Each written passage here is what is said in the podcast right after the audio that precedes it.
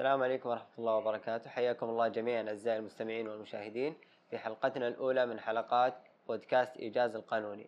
في هذا البودكاست سنستعرض أبرز المواضيع والمستجدات القانونية آه، من خلال استضافة أحد الضيوف ونتناقش معا عن أبرز آه، المستجدات في الساحة القانونية.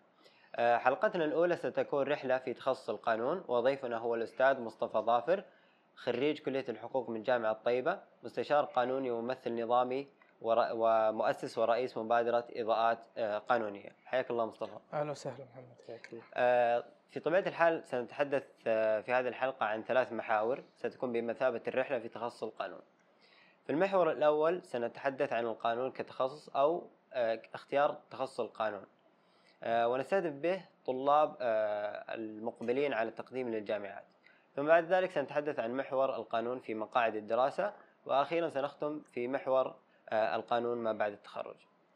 آه، لعل السؤال الذي يبرز في آه، في البداية هو أهمية تخصص القانون. جميل. بداية أهلا وسهلا محمد. فرصة طيبة هذا اللقاء. إن شاء الله يكون مفيد للمشاهدين والمستمعين. بإذن الله. جزئية أو تقدير أهمية أي مجال من المجالات تكمن في مناطق تواجده. ومدى استخدام الناس أو تعامل الأفراد له. أهمية القانون تكمن في تواجده في مختلف مجالات الحياة. في المجال التجاري في مجال الحياة اليومية في مجال يعني لا يكون لا يكاد يكون في فرد من أفراد المجتمع اليوم ما يتعامل مع القانون. فهنا الأهمية. هذه الأهمية تعني أنه المجال القانوني موجود في حياتنا في آه، فكممارسين على أي اختلاف لتواجد المحامي أو المستشار القانوني أو الأكاديمي في مجال القانون أو الباحث القانوني يظل القانون موجود. التشريعات والأنظمة تنظم جميع أو مختلف مجالات الحياة. مجال الصحي المجال التجاري مجال المرور كل هذه ممارسات قانونية. فهنا تكمن أهمية القانون والمتخصصين فيه. ولما نتكلم عن القانون نتكلم عن القانون كتخصص مع اختلاف المهن الموجودة فيه أو الأعمال اللي ممكن يمارسها الشخص القانوني. آه هو آه تخصص القانون كغير من التخصصات في أساسيات يجب الحرص على تواجدها في الشخص المتقدم على تخصص القانون. ممكن تحدثنا عن أبرز الأساسيات هذه؟ جميل. آه جزئية أبرز الاحتياجات اللي يحتاجها القانوني اليوم في مجال عمله أو اللي يبغى يقبل على التخصص. في عنصر يشترك فيه أي شخص يرغب في النجاح في أي مهنة. هو عنصر الرغبة. القانون من المجالات اللي ما ينفع إنك تقبل عليها أو تدرسها أو كذا وأنت ما غير يعني غير راغب فيه. يشترك دائما الناجحين في مجال القانون في عنصر الرغبة. الرغبة هي اللي تخليك لما تواجه تحدي أو تواجه صعوبات أو تواجه عقبات تتجاوزها تسعى دائما للوصول لهدفك. فعنصر الرغبة لازم يكون عنصر ملازم لك في مرحلة اختيار التخصص. إذا أنت راغب في هذا المجال آه، باحث عن المجالات المهنية المستقبل اللي أنت تنوي الإقدام عليها عندك خطة أو تصور معين راح تصل إلى مرحلة النجاح بهذه الطريقة. مثل ما ذكرنا إنه في محورنا الأول آه، نستهدف طلاب المرحلة الثانوية أو المقبلين على التقديم على الجامعات. آه، غالبا أغلب هؤلاء يبحثون دائما عن سلبيات وإيجابيات كل تخصص قبل التقديم عليه. ممكن تكلمنا عن أبرز السلبيات أو أو الإيجابيات في تخصص القانون؟ جميل، زي ما ذكرت لك الأفضل أو خلينا نعيد ترجمة السؤال إلى إيش التحديات اللي ممكن تواجهني؟ أو إيش الاختلافات اللي بتصير في المجال على مر الزمان أو على الوقت؟ يعني القانوني اللي يرغب في دخول مسار القانون أو أو دراسة القانون الآن غير قبل خمس سنوات غير قبل عشر سنوات في ظروف محيطة بالتخصص هي اللي قاعدة تشكل آه، الفرص فيه وعملية الإقدام على التخصص وعملية المجالات المهنية المتاحة وكذا. يعني مثلا أنت لما تتكلم عن دخول تخصص عدد المتخصصين فيه قليل ويعتبر متخصصات نادرة غير لما تتكلم عن تخصص منتشر في عدد من الجامعات الفرص متاحة في تنافس أصلا على الدخول مو بس تنافس حتى على الوظيفة أو الدراسة في تنافس على القبول في التخصص. هذه كلها بيئة بتجعل فيه تحديات في خليني يعني يعني خليني أوصفها بمصطلح في إعادة آه، جدولة أو ترجمة للبيئة المحيطة بالتخصص. فهذا الشيء قاعد يشكل إيش الشيء اللي بيخليها صعوبة أو بيخليها شيء سهل. آه، مثلا من الأشياء المميزة اليوم إنه كثير من الجامعات فتحت كليات حقوق وكذا. فأنت تقدر تدرس قانون في أكثر من مكان في في ظل إنه زمان قبل فترة كان مثلا جامعات محدودة في هذا الموضوع. الآن في أكثر من فرصة في أكثر من مدينة. آه هذه ميزة. يقابلها عنصر إنه تحدي كبير السوق واسع. بعد التخرج بيصير في عدد من الخريجين فلازم تكون متميز ولازم تكون عندك عدد من المهارات عدد من نقاط القوة اللي تميزك عن غيرك. في سؤال ممكن يثير الجدل دائما هو هل اعتبار تخصص القانون تخصص يعتمد على الفهم أم تخصص يعتمد على الحفظ بشكل أكبر؟ يعني هو هو في المجال القانوني في مرحلة وسط.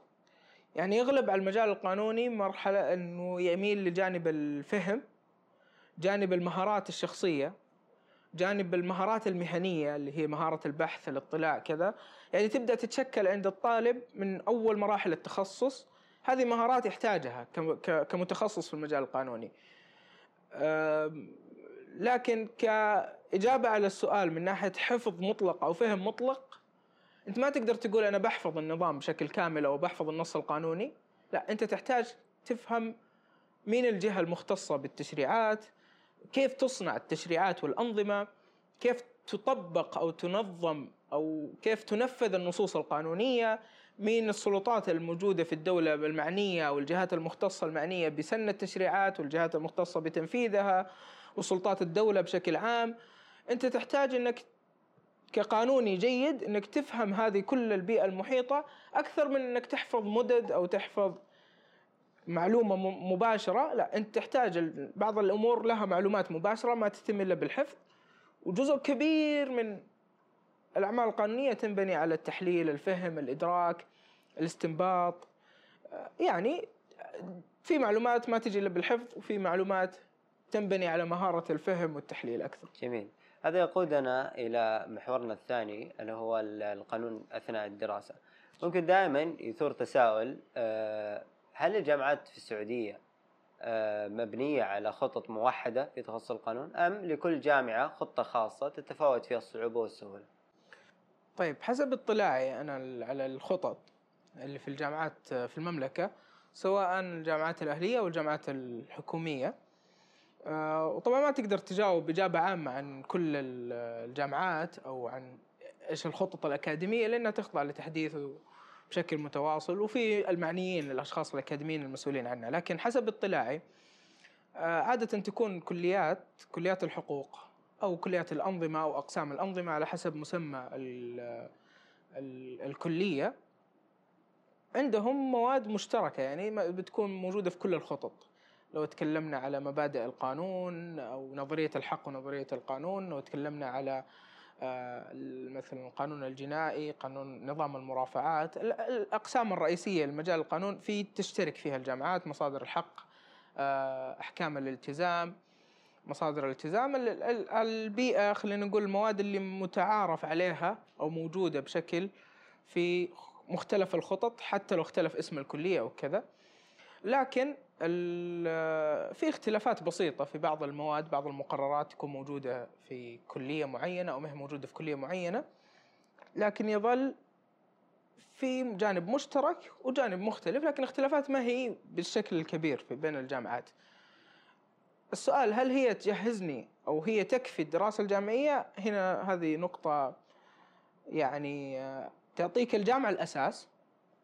الجامعة دائما مهمتها في أي تخصص من وجهة نظري الشخصية أنها تؤهل الطالب إلى الأساس تعطيك المصطلحات الرئيسية المعارف الأساسية في المجال آه، مسارات التخصص الدقيقة الأولى ثم تجهزك لسوق العمل. سوق العمل بيروح معك لخطوة ثانية. سوق العمل بياخذ هذه المهارات مع الممارسة العملية مع التطبيقات بيصير عندك قدرة أكبر إنك تفهم المجال أو من منظور الممارس ليس من منظور الدارس أو الطالب لا من منظور الممارس.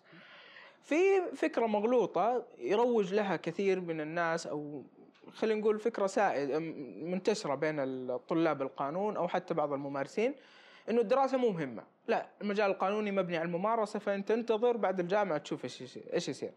هذه أنا في وجهة نظري غير صحيحة والدليل إنه اليوم أبرز البرامج والأماكن اللي بتستقطب الخريجين. على مستوى هيئة سوق المال على مستوى برامج التدريب المنتهية بالتوظيف في الجهات المعروفة. فالآن في هيئة الخبراء في برنامج جديد لتطوير المستشارين أو إعدادهم.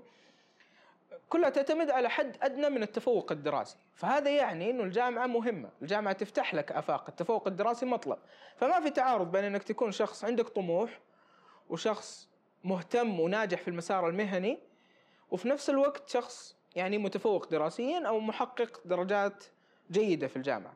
فزي ما ذكرت لك الجامعة هي الأساس وما في تعارض بين إنك تبدع في الجامعة وتبدع في المجال المهني. بالعكس أكبر من أكبر الممارسين وأنجحهم أشخاص نجحوا في دراستهم وفي نفس الوقت لما اتجهوا لسوق العمل نجحوا مو بالضرورة إنه معدلك الجامعي أو أو أو خلينا نقول أدائك الجامعي يأثر على مسيرتك المهنية لكن في بينهم ترابط. جميل. آه نستنتج من الاجابه سؤال آه هو المهارات القانونية أو حتى غير القانونية اللي يجب أن يسعى لها آه القانوني قبل التخرج. قبل إنه يلتحق بما بعد التخرج أو مرحلة الخريج شوف المهارات زي ما تفضلت تنقسم إلى قسمين أو إلى شقين في شق مهارات تعتبر مهارات قانونية يعني أنت تحتاجها آه، بشكل ملازم للتخصص اللي هي مهارات البحث مهارات التحليل قراءة أصلا النص القانوني. هذه تحتاج مهارات تحتاج إلى فهم وإدراك لهذا الجانب. في الجانب الآخر اللي هو المهارات الناعمة أو ال soft skills جانب مرة مؤثر في وجهة نظري في, في بالنسبة للقانونيين أو الممارسين القانونيين. فالقانوني هو عبارة عن معلومة قانونية أو مرجع قانوني مضاف له عدد من المهارات الشخصية من الاطلاع الشخصي من المعارف بتعطيك نتيجة اللي هي الخدمة القانونية أو المنتج اللي قاعد يقدم.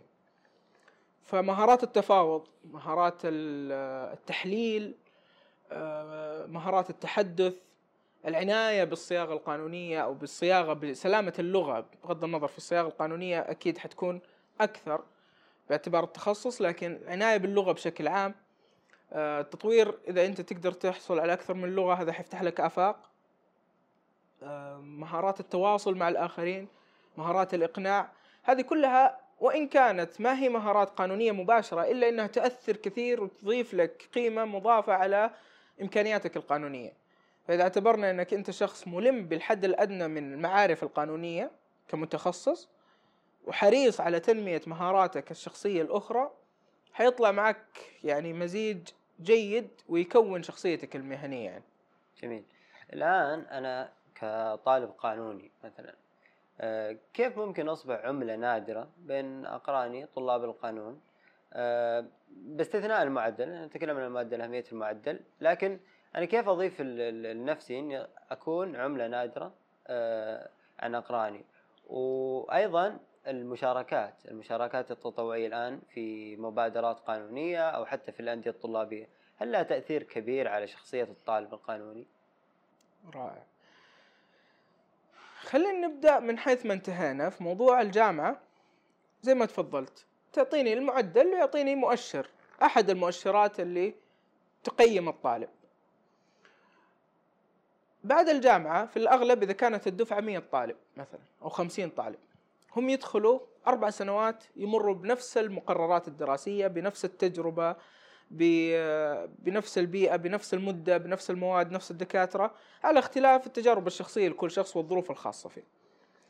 اللي يفرق معك بعد الجامعة عن زملائك واللي يفرق عن زميلك الآخر عنك وعن غيرك وعن غيرك هو إيش أضفت مع الجامعة؟ فإذا اعتبرنا أنه أنت اليوم هذه شهادتك الجامعية درست عدد ساعات معين اجتزتها. إيش أضفت؟ هل أنت أضفت لغة؟ عنصر مثلا اشتغلت على لغتك؟ آه، اللغة الإنجليزية أقصد.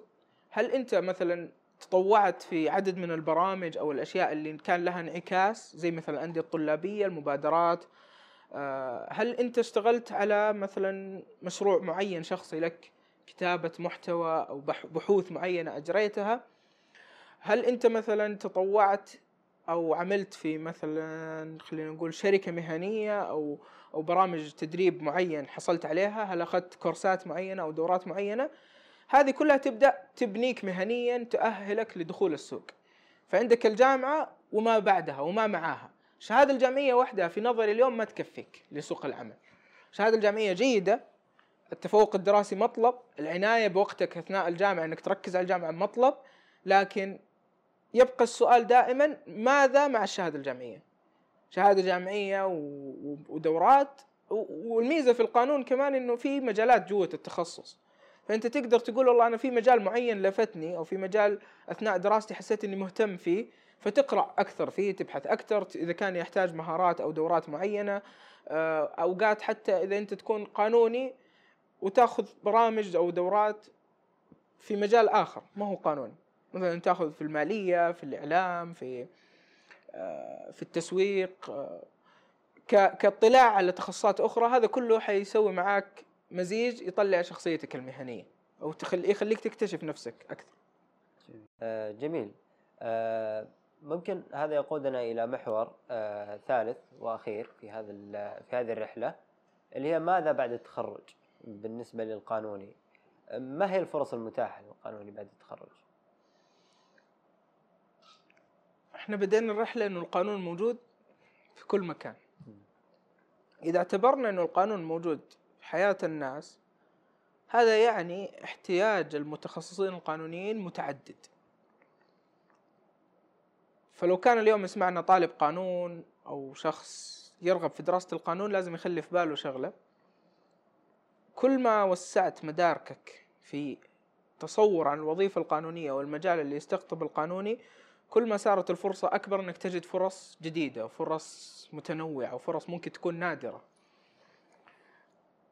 بشكل عام يتواجد القانون أو القانوني كموظف في القطاع العام كموظف في القطاع الخاص على اختلاف المؤسسات والشركات الموجودة فيه في قطاع المحاماة كمهنة وفي القطاع الأكاديمي اللي هو قطاع الجامعات وإن كان يعتبر جزء من القطاع العام. هذا بشكل عام تواجد المجال القانوني أو القانوني في الوظائف المسارات المهنية. بس يبقى ارتباط الشخصية القانونية ورغبتك أنت فين تبى توصل في القانون مؤثرة جدا في مساراتك المهنية. يعني تبقى دائما أنا عندي رغبة معينة إني ابى أكون مثلا محقق في النيابة العامة أو عندي رغبة إني ابى أكون آه، متخصص في ال- السوق المالية أو في أنظمة آه، وتشريعات السوق المالية أو بكون متخصص في مجال المحاماة. أنا إنسان بكون محامي مثلا أو مستشار قانوني لمسار معين أو تخصص دقيق معين. هذا الشيء حيتشكل معك بقد إيش أنت اشتغلت إيش رغبتك آه، تصورك. أنت إيش تعرف أصلا عن الوظائف القانونية؟ يعني أنا أتفاجأ أنه بين فترة والثانية لما نجلس مع بعض الزملاء طلاب قانونيين أو بعضهم حتى خريجين مسارات القانون بالنسبة له محدودة جدا.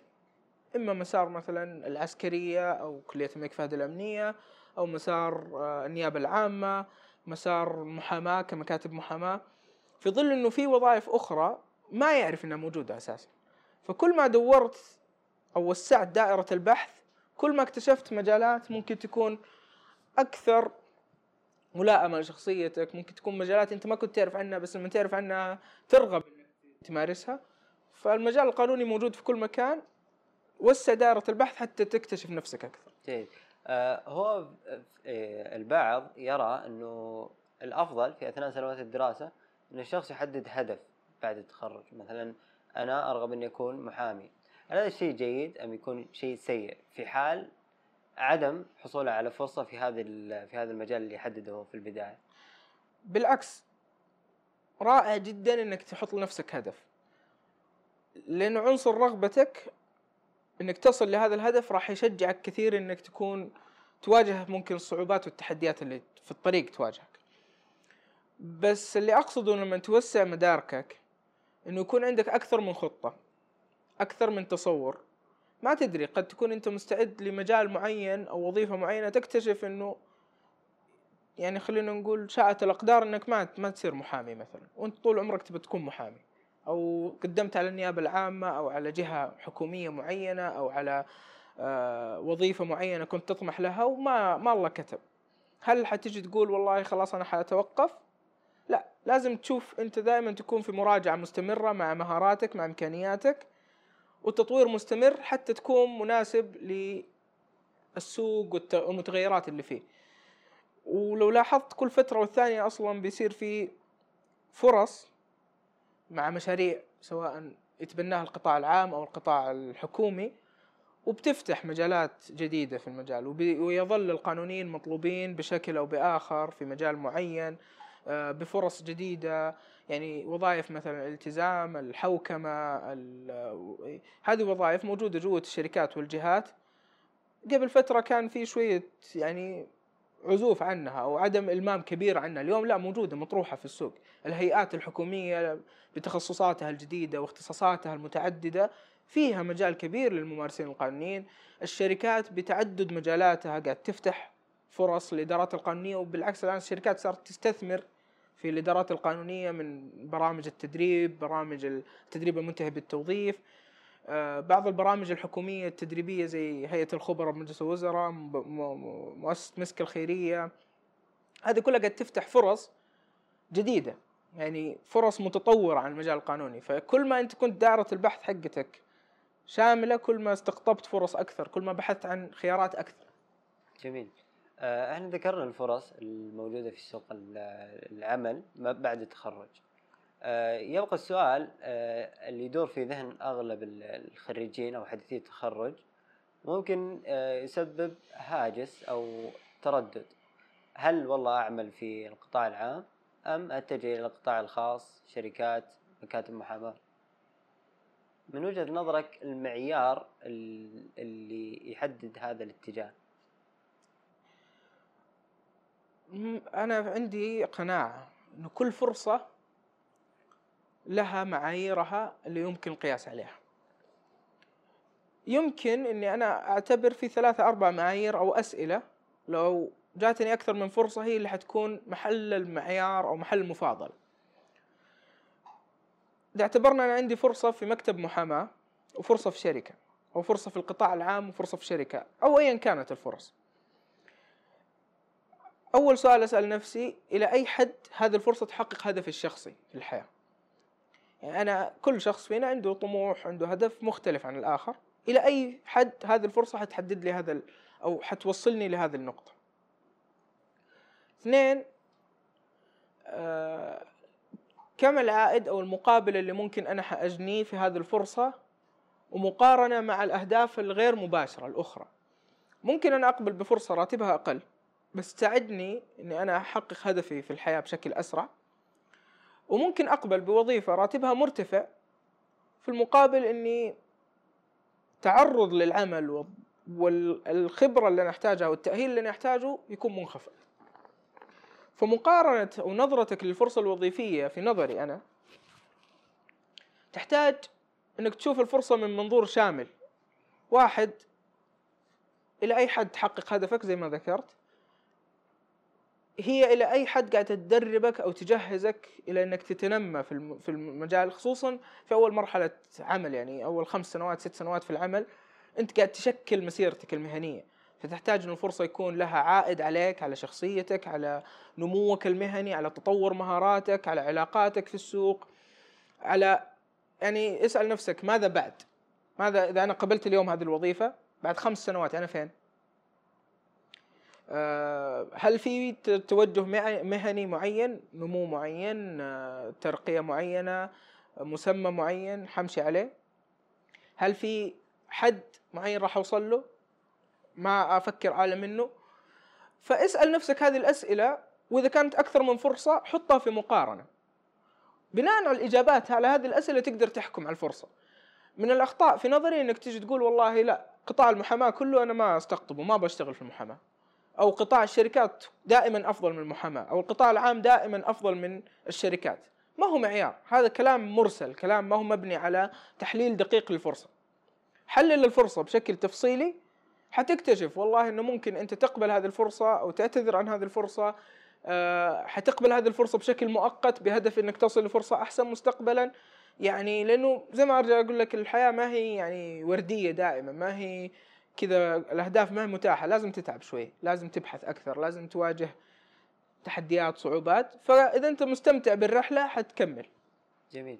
آه، برأيك الآن آه، المحامي المتدرب خصوصا أو في فترة أو أين أو القانوني في فترة التدريب هل يجد التقدير الكافي سواء من جهات التوظيف أم من الشركات أم مكاتب المحاماة؟ ومدى أهمية استثمار أو الاستثمار في الموارد البشرية بالنسبة لهذه الجهات؟ رائع. أنا ما حجاوبك على المحامين تحديدا ومكاتب المحاماة تحديدا أو التدريب في مجال المحاماة.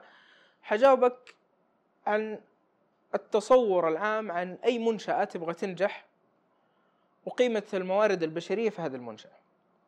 قيمة الموارد البشرية ما في منشأة تحقق أهدافها أو تريد تحقيق أهداف معينة في المجال المهني أو أرباح أو عوائد من دون موارد بشرية. عنصر الموارد البشرية هو ركن أساسي في أي منظومة عمل. في القطاع العام وفي القطاع الخاص وفي المحاماة في مكاتب المحاماة.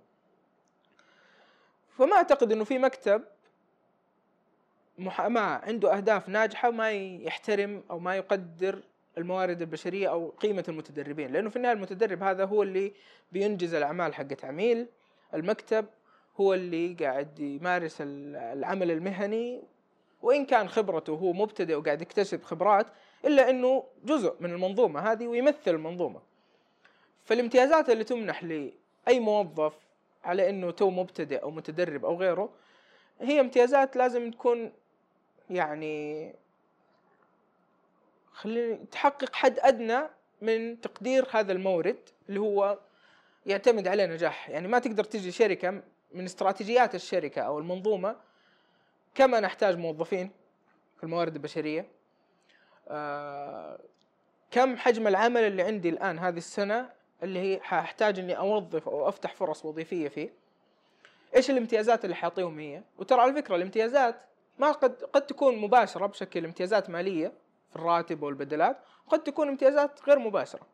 يعني في جهات عندهم اتفاقيات تدريب آه يعني أنت طول ما أنت موجود معاهم عندك سنويا مثلا برامج تدريبية معينة و ومعاهد دولية وبعض الأحيان حتى سفر خارج المملكة للتطوير. بغض النظر هذا ممكن ما يكون موجود في مكاتب المحاماة بس بقدر ما هو موجود في الشركات.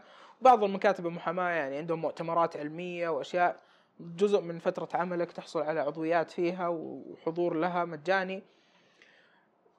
هذه خلينا نقول فكرة عامة يعني عن عن كيف أنت ممكن تستفيد من سواء كنت صاحب عمل تبى تنمي موارد البشرية في المكان أو عامل أو متدرب كيف تستفيد من أو كيف تقارن بين الفرص وكيف توازن بين عملية الموارد البشرية وأهميتها.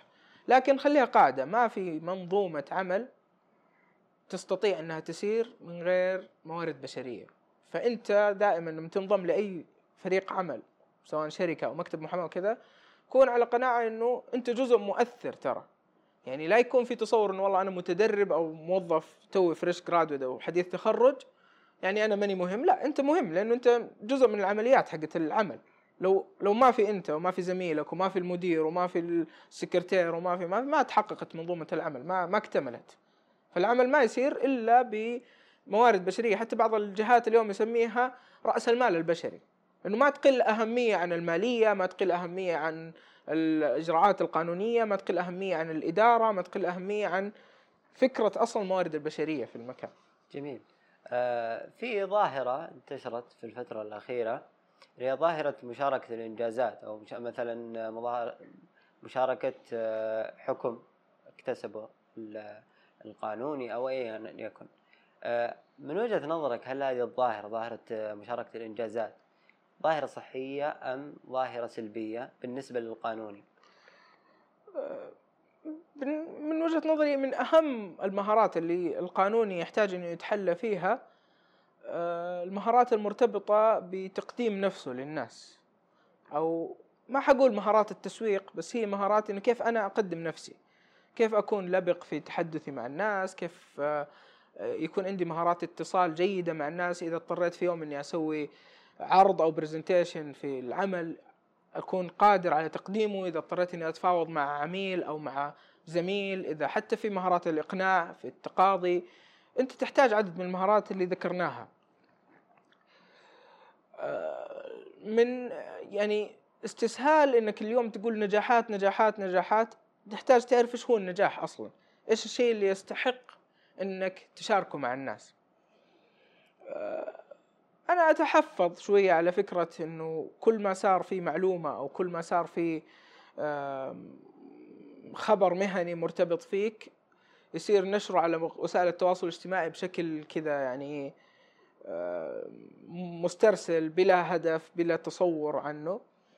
في منصات طبعا معروفة لمشاركة النجاحات المهنية زي لينكدين زي غيرها. هذه منصات موجودة للتواصل المهني أساسا. اللي من ضمنه أني أنا إذا والله حصلت على ترقية حصلت على آه، جائزة نادرة في العمل أو حصلت على تقدير معين آه، شهادة علمية شهادة مهنية تكون هي منصة أصلا للتواصل المهني. هذا أمر آخر. لكن في بعض الأمور يتجاوز فيها الموضوع من كونه تواصل مهني إلى ينتقل إلى مرحلة يعني إفشاء بعض الأمور ما يعني أنت بحكم عملك القانوني أنت في نظري زي الصندوق الأسود. عندك تراكمات عندك خصوصية عندك أمور تطلع عليها في منظومة عملك ما يطلع عليها الشخص اللي برا المنظومة أو شيء.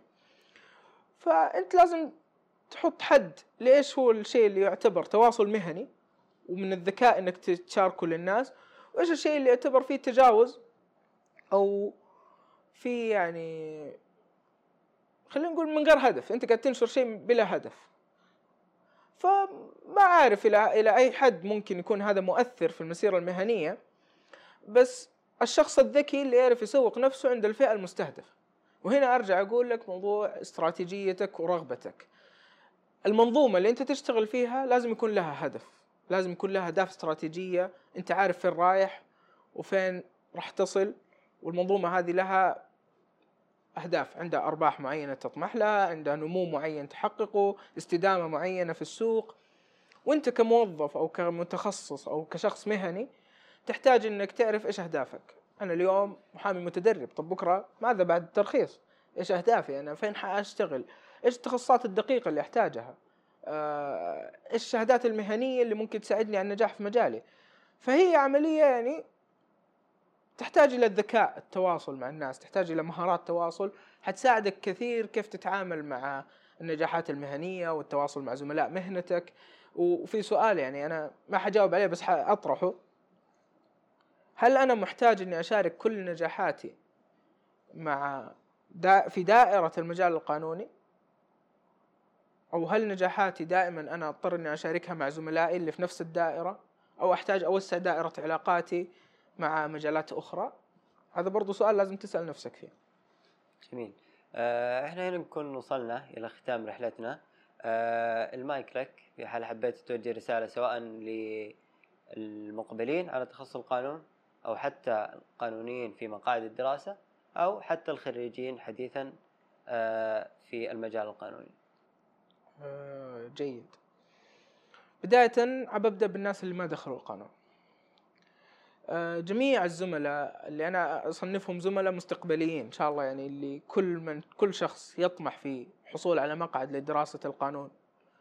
آه، الله يوفقك وإن شاء الله تكون فرصة يعني ثرية لك وفعلا تحقق هدفك إذا أنت راغب أو عندك هدف شخصي في دراسة القانون. هذه أمنية أنا أتمناها لك. آه، بالنسبة للزملاء اللي على مقاعد الدراسة آه، قد في البداية ما تكون مكتشف لذاتك أو ما تعرف إيش تبغى وإيش يعني تمر بمرحلة تشتت هذا أمر طبيعي. آه، قد يصاحبك هذا الشعور ممكن إلى مرحلة التخرج. لكن كل ما كنت شخص عندك هدف استراتيجي معين أو عدد من الأهداف تبي توصل لها كل ما ساعدك هذا الأمر على اكتشاف ذاتك. كل ما ساعدك هذا الأمر على المفاضلة في الفرص. كل ولما إحنا نتكلم عن الهدف الاستراتيجي والتخطيط واشياء ترى هذه ما هي كماليات ولا هو تنظير. واقعيا إذا عندك هدف أنت كل يوم راح تفكر في تحقيق هذا الهدف. راح تبحث عن كل فرصة حتى نصف الفرصة اللي تساعدك إنك توصل له حتوصل له فهو مش كلام نظري إنه والله أنا خلاص خطط وأتعب وأشتغل على نفسك لا هي الفكرة أكبر من كذا. الفكرة إنه هذا الأمر فعلا يختصر عليك مراحل يخليك توازن بين الفرص يكون يعني بعد الله خير معين لك إنك تبحث عن نفسك. آه، بالنسبة للزملاء في المجال القانوني أو في مجال العمل يعني دائما كون ممتن للتجارب حقتك. وما عندي نصيحة معينة أنا ما أشوف إني في مقام إني أنصح أو أوجه بقدر ما إني يعني أتمنى لك التوفيق وأتمنى إنه تكون نظرتك شمولية للتخصص. الوجهة أو مستقبل المجال القانوني يتطلب مننا مواكبة أحداث كثير مواكبة مهارات كثير آه، في نظري القانون مهنة التعليم المستمر أو مجال يعني اللي ما يتوقف إنك الله أخذت ماجستير أو حتى دكتوراه في المجال إنك تكتفي أنت دائما كل يوم في رحلة تعليم وفي تعليم مستمر. وبس والله يعطيكم العافية على هذه الاستضافة وبالعكس كان نتمنى يكون لقاء لطيف يعني ونكون ما نكون ثقيلين عليكم. شاكرين ومقدرين لك. مصطفى على تلبيتك للدعوة على تشريفك لنا في الحلقة الأولى. آه كذلك نشكر آه شركة بزنس هاب أو ملتقى الأعمال على استضافتهم للحلقة الأولى. آه تجدون في الوصف آه، تعريف في الشركة وكذلك حساباتهم في وسائل التواصل الاجتماعي. كذلك تجدون في الوصف آه، وسائل التواصل لفريق إيجاز القانوني. نقدم كل الشكر لمن هم خلف الكواليس. نؤمن بفريق إيجاز القانوني أن إيمانا كاملا بأن العمل لابد أن يكون ناقصا آه، حيث الكمال لله وحده. إن أجدنا فمن الله وحده وإن أخطأنا فمن أنفسنا والشيطان. آه، نأمل منكم طرح أي آراء أو مقترحات تجدون أنها قد تساهم في آه، تحسين جودة اللقاءات المستقبلية. كذلك نأمل منكم مشاركة هذه الحلقة لمن تعتقدون أنها تهمه. وأخيرا نراكم في حلقات قادمة بإذن الله. والسلام عليكم ورحمة الله وبركاته.